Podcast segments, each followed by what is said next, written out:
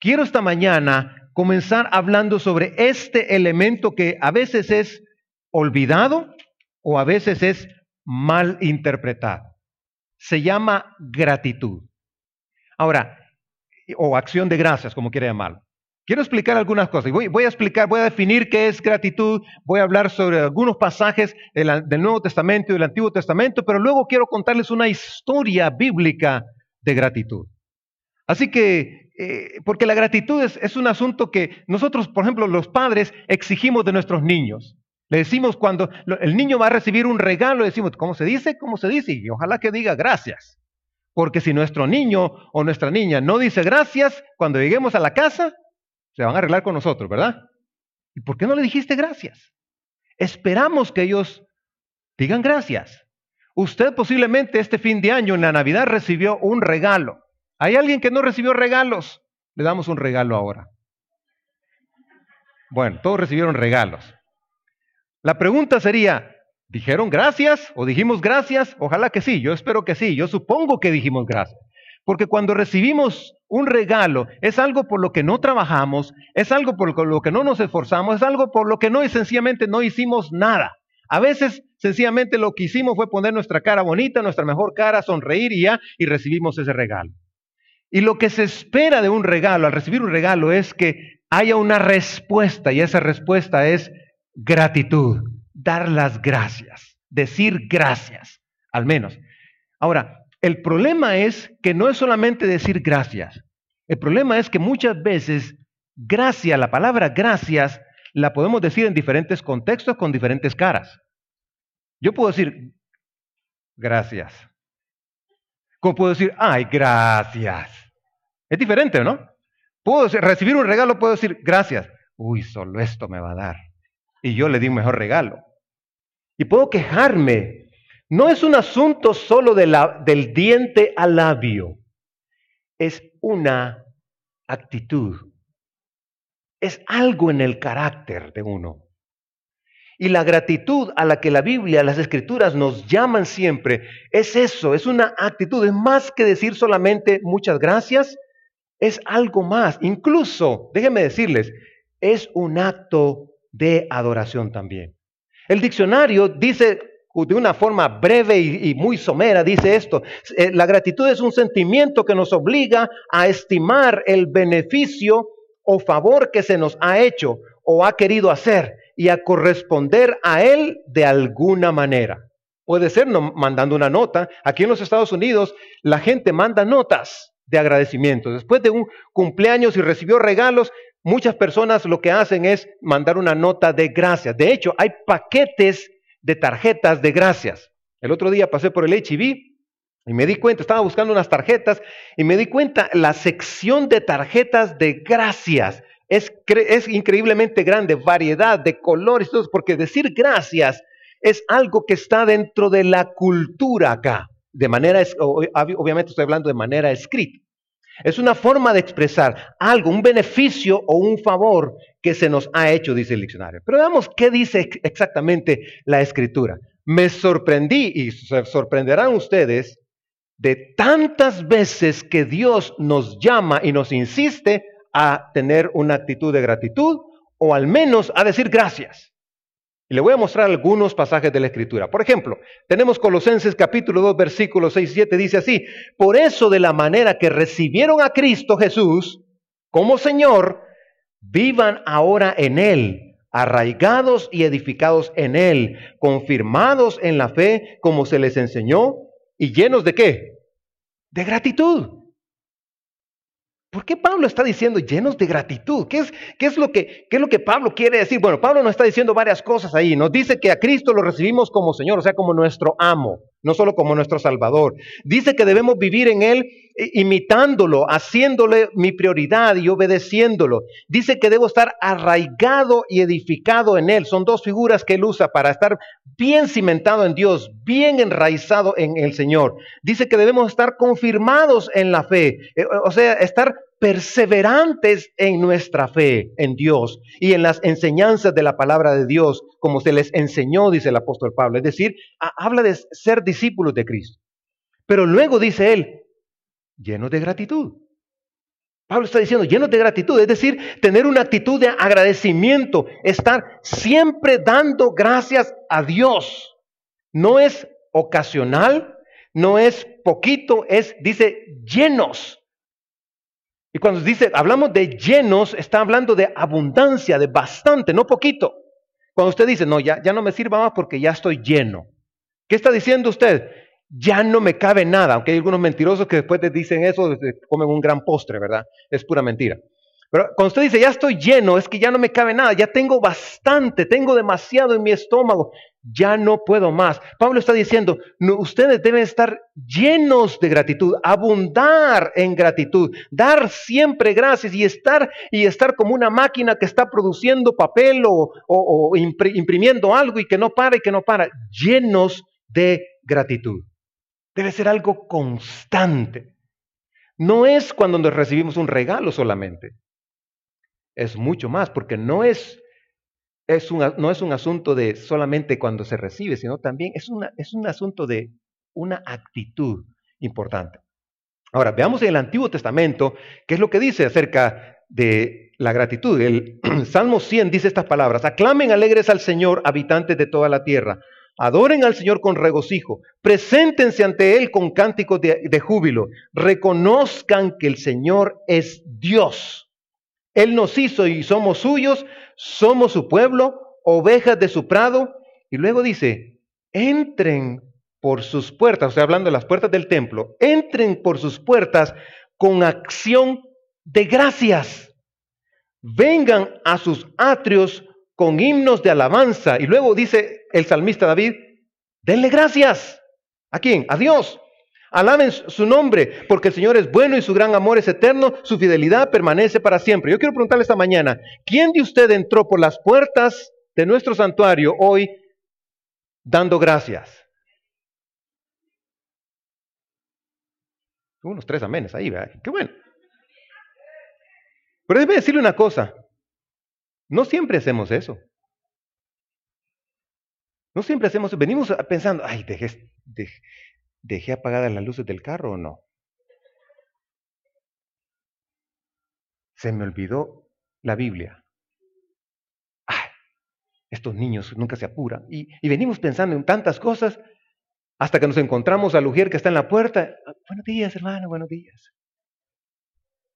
Aquí lo que el contexto de esto era que había, y es lo que, nos dice David acá, Dios pedía de su pueblo llegar ante su presencia, es decir, al templo, con acción de gracias, con esa actitud, una actitud de agradecimiento. No era de estar pensando que dejé, que se me olvidó, no vine a tiempo, ya empezó el servicio, lo que sea.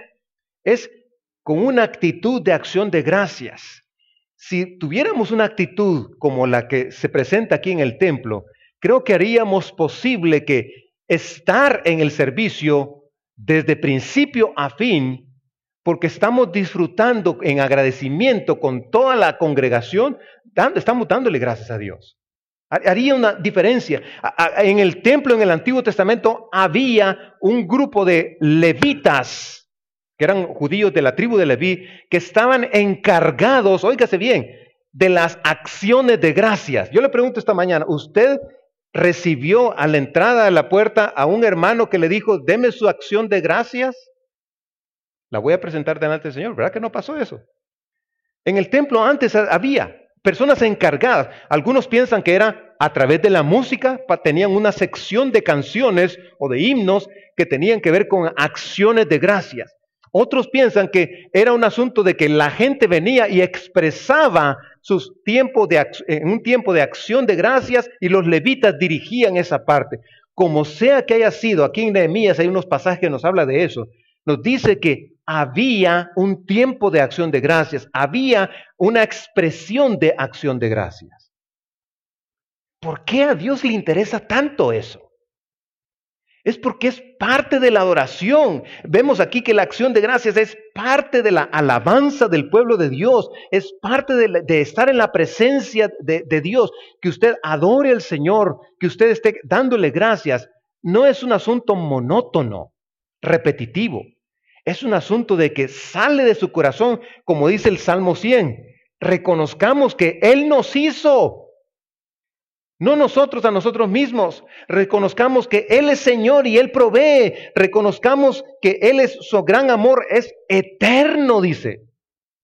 Reconozcamos eso. Reconozcamos su fidelidad permanece para siempre, dice. ¿Sabe que a veces se nos olvidan esos detalles en nuestra vida cristiana?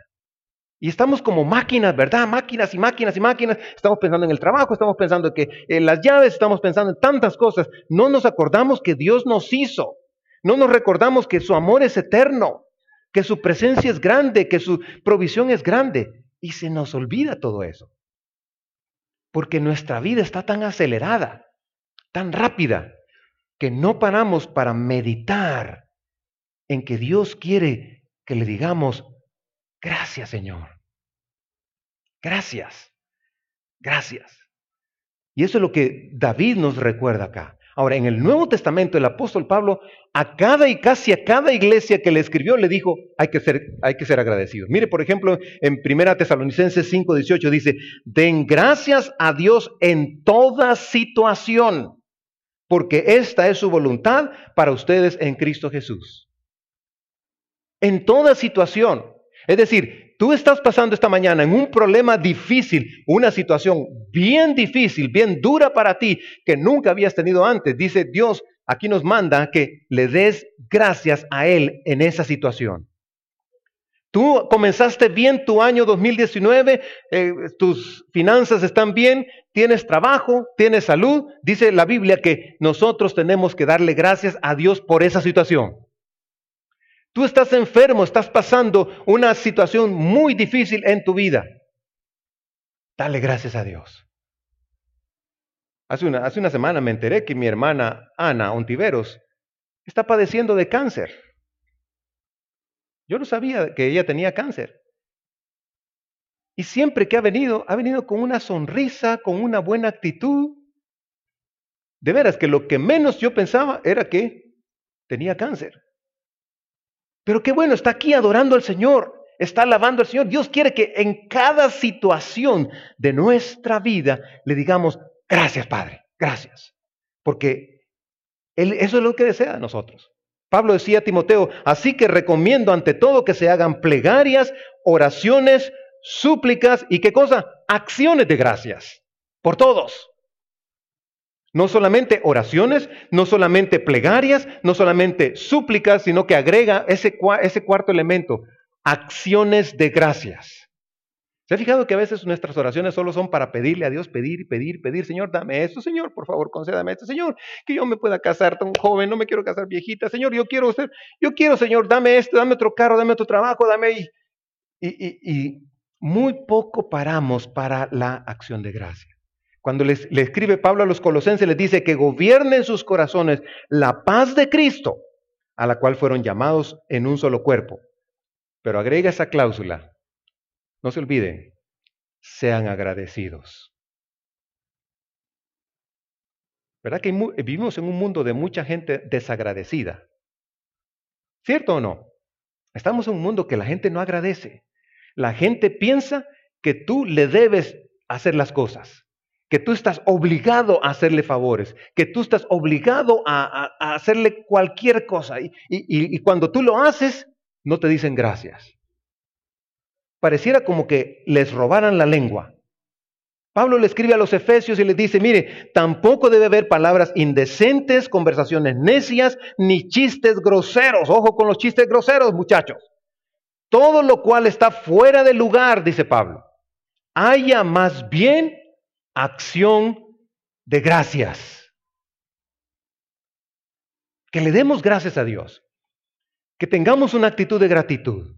Así que yo quiero animarle que en este devocional que ha recibido ahora, en estos 21 días, que en esas páginas rayadas que están ahí, si usted dice yo no sé qué escribir ahí, ponga por lo menos cada día tres cosas por las cuales usted le da gracias a Dios. Tres cosas. Y finalice su día, si quiere poner tres en la mañana y tres en la noche, qué bueno, pero finalice su día diciéndole, Señor, te doy gracias por. Yo quiero retarle a ir más allá, que no escriba que a Dios, aunque sí quiero que le dé gracias a Dios por su familia y por su trabajo, pero aparte de su familia y su trabajo, ¿por qué cosas usted le da gracias a Dios? Y que usted piense en eso. Y que cada día usted escriba por lo menos tres cosas por las cuales usted le da gracias a Dios. Se va a dar cuenta después de 21 días cuántas cosas tenemos por las cuales agradecer a Dios. ¿Están conmigo? Bueno, ahora les cuento una historia de gratitud. Está en, Lucas capítulo 17. Si tiene una Biblia, porque no lo tengo acá en la pantalla, si tiene una Biblia, busque Lucas capítulo 17 y voy a leer rápidamente esta historia fascinante de acción de gracias. Mire lo que dice aquí la escritura. Dice, un día, siguiendo su viaje a Jerusalén, Jesús pasaba por Samaria y Galilea. Samaria es un pueblo no muy aceptado por los judíos. Los judíos y los samaritanos no se llevaban. Y Galilea. Dice, cuando estaba por entrar en un pueblo, salió salieron a su encuentro diez hombres enfermos de lepra. Como se, como se habían quedado a cierta distancia, gritaron, Jesús, Maestro, ten compasión de nosotros. Ahora, déjeme parar ahí un poquito. Los leprosos eran menospreciados porque obviamente la lepra era considerada una enfermedad contagiosa. Entonces, un leproso no podía acercarse a áreas donde la, gente común y corriente y sana estaba yendo. No podían ir al templo a adorar porque ellos estaban contaminados con la lepra. No podían acercarse a las personas, tener conversaciones cerca de las personas. Tenían que estar a cierta distancia, tenían que estar marginados y tenían que estar, eh, cuando se acercaban a alguien, tenían que avisar que ellos venían y lo hacían gritando. En algunos casos usaban una campanita, pero por lo general ellos gritaban. Entonces decían, leproso, leproso, leproso. Entonces la persona sana venía, se apartaba y dejaba que el leproso pasara porque de lo contrario se creía que iba a contaminarse.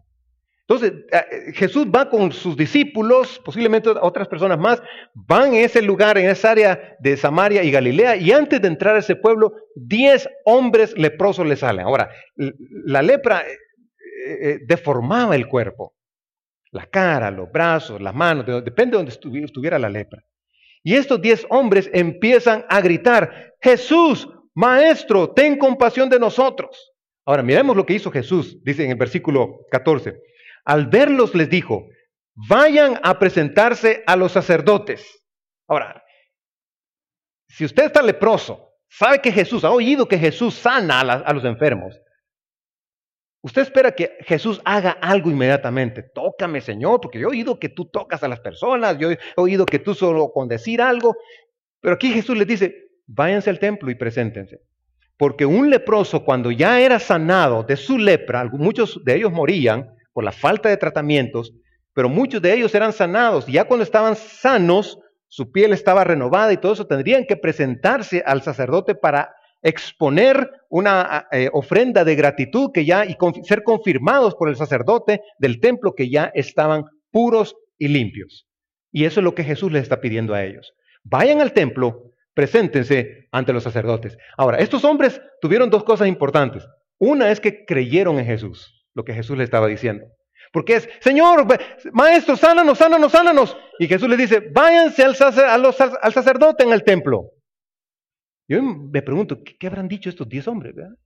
La, la, escritura nos dice que se dieron la vuelta y empezaron su camino hacia el templo en Jerusalén. Mire lo que dice, vayan a presentarse a los sacerdotes. Resultó que mientras iban de camino, quedaron limpios. Se sanaron, quedaron completamente limpios. Uno de ellos, al verse ya sano, regresó alabando a Dios a grandes voces. Se puede imaginar la alegría que este hombre traía. No sabemos cuánto tiempo había estado leproso, pero lo cierto es que venía contento de eso. Y dice el versículo 16, cayó rostro en tierra a los pies de Jesús y le dio las gracias. Qué tremendo, ¿no? Y dice Lucas, nos dice, no obstante que era samaritano, odiado por los judíos no querido por el pueblo judío. Este hombre era samaritano y hace esto. Regresa alabando a Dios, se postra ante Jesús reconociendo su señorío y dice que le da las gracias. Y Jesús reacciona aquí en el versículo 17. ¿Acaso no quedaron limpios los diez? ¿No tenía diez? Preguntó Jesús. ¿Dónde están los otros nueve? no hubo ninguno que regresara a dar gloria a Dios excepto este extranjero. Y se dirige al hombre y dice, levántate y vete, le dice al hombre, tu fe te ha sanado. Hermosa historia, ¿no? Diez hombres sanados de lepra, solo uno regresa a dar las gracias. Y eso es lo que pasaba mucho en esto. Los judíos no reconocían a Jesús como el amo y Señor, como el Hijo de Dios. Muchos de ellos no hacían eso. Otro problema que había era que los judíos pasaban por alto esto, como muchas veces nosotros pasamos por alto que respiramos, pasamos por alto que tenemos trabajo, pasamos por alto que me voy a ir manejando mi carro a mi trabajo, a otra ciudad, que voy a viajar para los, los tiempos de, de feriado. Pasamos por alto que podemos hacer las cosas, que nuestro negocio nunca va a fallar, que nuestro negocio va a funcionar, que yo voy a recibir mi salario y que no me va a pasar nada. Pasamos por alto muchas veces esas cosas sin darle gracias a Dios. Y creo que Jesús nos está llamando la atención a algo. Cambiemos la perspectiva de no pensar que todo lo recibimos porque hay que recibirlo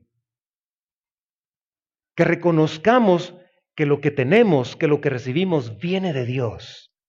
Y si hoy estamos saludables en este templo adorando al Señor, es por la obra de Dios, por la mano de Dios. Y al menos debimos habernos levantado esta mañana diciéndole, Señor, gracias por la salud, porque me puedo levantar. Gracias, Señor, porque no estoy en un hospital. Gracias, Señor, porque aún a pesar de lo que tengo, estoy aquí. Tú me has dado la fuerza y la vida. Pero a veces lo pasamos por alto, mis estimados hermanos y amigos. Pasamos por alto eso. Asumimos que Dios es responsable de darnos y de cuidarnos y de, proveernos para todo lo que necesitamos. Cuando no es así, Dios quiere que reconozcamos quién es Él. Y esa es la actitud de gratitud que Dios espera de nosotros. ¿Qué le parece? Ahora, ¿qué es lo que hace la gratitud realmente en nuestra vida? Déjenme decirle algo importante. La gratitud es algo hermoso. Ser una persona agradecida es algo bonito, valioso. Pero también sabe una cosa, tiene beneficios. Tiene beneficios. Quiero mostrarle algunos de esos beneficios de la gratitud. Primero, nos mantiene humildes para, pues reconocemos lo que Dios hace y lo que otros hacen por mí. Cuando somos agradecidos, somos humildes. Porque si yo recibo un beneficio de alguien, si yo recibo algo como un boletín, como una, un librito de estos de ahora en la mañana, y le digo, gracias, estoy mostrando que reconozco lo que esta persona está haciendo. Me, alcanzó eso, me dio esto. Pero también de, cuanto a Dios, cuando yo reconozco, yo soy humilde, yo, yo, yo reconozco con gratitud a Dios lo que Él hace por mí. Y le estoy diciendo, gracias Señor, Gracias por lo que haces. Segundo, cultivar una actitud de agradecimiento nos acerca más a Dios, ayudándonos a apreciar mejor su amor y su fidelidad para nuestra vida. Porque cuando yo empiezo a escarbar cosas y razones por las cuales agradecerle a Dios, encuentro que hay mucho más que mi familia y mi trabajo. Hay mucho más que eso para darle gracias a Dios aún de aquellas cosas que no tenemos o que Dios no nos ha dado o porque en su santa voluntad Dios no nos quiere dar. Tercero, nos permite enfocarnos en otros y no en nosotros. Las personas que no tienen gratitud son personas egoístas, ensimismadas, piensan solo en ellos o en ellas, no piensan en los demás. Cuando yo digo gracias, cuando yo tengo una actitud de agradecimiento hacia los demás, incluyendo a Dios, obviamente, yo estoy enfocándome en otros, en otros. Yo estoy agradeciendo el, trabajo de otros, el esfuerzo de otros, lo que otros hacen. En las compañías, lo que tienen el servicio al cliente. Y ahí en el servicio al cliente la gente que está ahí, su trabajo es realmente ser agradecida, decirle gracias por comprar con nosotros, gracias por este negocio que, hizo con nosotros, gracias por venir, ¿verdad? ¿En qué le podemos ayudar? Y no importa si lo que va a devolver eh, lo trae arruinado, ¿verdad? Pero ellos tienen que mantener una actitud eh, noble, paciente con el cliente. Nosotros, nuestra actitud es una actitud de gratitud ante Dios por lo que Él ya hizo y por lo que también no nos quiere dar y por lo que nos ha dado. Con las personas, por todo el beneficio que recibimos de las personas. Por último, y eso me llamó la atención, estaba leyendo esto muy interesante, investigaciones sobre los efectos de la gratitud en nuestra biología muestran que cuando somos agradecidos incrementa nuestra longevidad, nuestro tiempo de vivir más, la habilidad para usar nuestra imaginación y nuestra habilidad para, oiga bien esto, resolver problemas. Esto es científico y también mejora nuestra salud en general. Cuando yo vi esto dije, wow, increíble. La ciencia ha descubierto que ser agradecidos es bueno. Jóvenes que están aquí, ustedes que no le dicen gracias a veces a sus papás, díganle gracias, porque eso vas a vivir más años, está diciendo la ciencia. Porque entonces dice que vas a poder tener habilidades mejores para resolver tus problemas. Esto es un asunto todavía difícil de entender para mí. Pero la ciencia y los neurólogos han descubierto esto, que tener esa actitud de agradecimiento nos hace más creativos, podemos usar mejor nuestra imaginación y nuestras habilidades para resolver problemas. ¿Qué le parece? Digámosle a la ciencia que Dios nos ha dado, Dios nos dio la ciencia, digámosle, gracias Señor por la ciencia. Porque Dios nos ha mostrado realmente que ser agradecidos tiene beneficios. ¡Ja! Tremendo, ¿no? Ahora, yo le pregunto a usted esta mañana, ¿quieres ser agradecido o agradecida? Ojalá que sí. Y por eso estoy aquí, para animarte, para decirte que hay beneficios de ser agradecido. ¿Cuál es tu desafío hoy? Yo quiero desafiarte esta mañana. Varias cositas, tres cosas, digamos. Escoge vivir en una actitud continua de gratitud. Una actitud continua de gratitud. Haz de ella un hábito en tu vida. ¿Cuánto se necesita para hacer de eso un hábito, de algo un hábito en nuestra vida? Los, científicos dicen que la, la memoria corta dura entre 24 a 48 horas. La memoria más retentiva, la retentiva más larga, o digamos que queremos aprender algo, hacer algo más práctico en nosotros, eh, tenemos que hacerlo 21 días. Pero han descubierto recientemente, antes decía que en 21 días uno hacía un hábito, la ciencia ha descubierto recientemente que se necesita repetir esos, ese paso de 21 días tres veces, es decir, 63 días para que algo se vuelva un hábito. Entonces, si tú quieres tener un hábito, tienes que repetirlo por 63 días. En 21 días, si lo haces continuamente, lo vas a recordar, pero si lo haces 63 días, se va a quedar en tu vida como un hábito. Así que yo quiero animarles a que escojas vivir una vida con una actitud de gratitud, de estar agradecido con Dios. Anota lo que, eh, por lo que le agradeces a Dios. Segundo, escribe diariamente tres cosas, que es lo que ya les mencioné, por las cuales estás agradecido además de tu trabajo y tu familia. Tres cosas. Y te vas a dar cuenta de cuántas cosas hay para darle gracias a Dios. Y por último, cada día esmérate por usar más seguido la palabra gracias. Si bien es cierto que la palabra gracias no necesariamente muestra un corazón agradecido, pero es una forma física, práctica de poder decir o de empezar a tener esa actitud en nuestro corazón.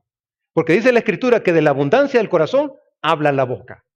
Así que yo quiero practicar el, ser una persona agradecida, tener una actitud de agradecimiento, pues voy a practicar más seguido la palabra gracias con los demás, con Dios obviamente, y siempre hay alguien que vamos a tener cerca de nosotros que nos hace un favor, que nos sirve en algo, o que nos da algo, o que nos sencillamente nos muestra una sonrisa. no sé si les conté la vez pasada, mi esposa dobló aquí, salió de, en esta calle de Mopac, llegó para cruzar en William Cannon hacia la derecha. Hay un semáforo ahí, este, ella dobló a la derecha, pero hay una esquinita donde hay que esperar por los carros que vienen desde, desde el este hacia el oeste en la William Cannon. Y estaba ahí esperando ella cuando el carro de atrás, ¡pum!, le pegó. Y mi esposa se bajó nerviosa, ¿verdad? Y el hombre lo que le dijo fue, gracias por no gritar. Hay que dar gracias a Dios en todo, ¿verdad? Gracias por no gritarme, le dijo. Ese hombre saber qué esperaba. Dijo, esta chiquitita va a salir con una bomba aquí, ¿verdad? Pero no, dijo, gracias por no gritarme. Mire, se va a dar cuenta de cuántas cosas tenemos para ser agradecidos. Termino con esta oración que encontré. Me gustó, dice, elijo la gratitud en lugar de una mala actitud. Decido conscientemente ser agradecido por todas las cosas que Dios me ha dado, en lugar de dejarme llevar por la queja. ¿Qué le parece si nos ponemos de pie y cerramos con él, repitiendo esta oración que escribió este señor? A la cuenta de tres la leemos todos juntos. El grupo de alabanza nos va a dirigir en un canto, pero digamos esto como una oración. Uno, dos, tres. Elijo la gratitud en lugar de una mala actitud. Decido conscientemente ser agradecido por todas las cosas que Dios me ha dado, en lugar de dejarme llevar por la queja. Padre, que esta sea nuestra oración esta mañana. Gracias Señor. Ayúdanos a ser agradecidos, porque tú lo hiciste todo, porque tú nos das y nos sostienes, porque tú nos guardas, porque tú nos amas, Señor. Padre, ayúdanos a ser una iglesia agradecida. En el nombre de Jesús. Amén.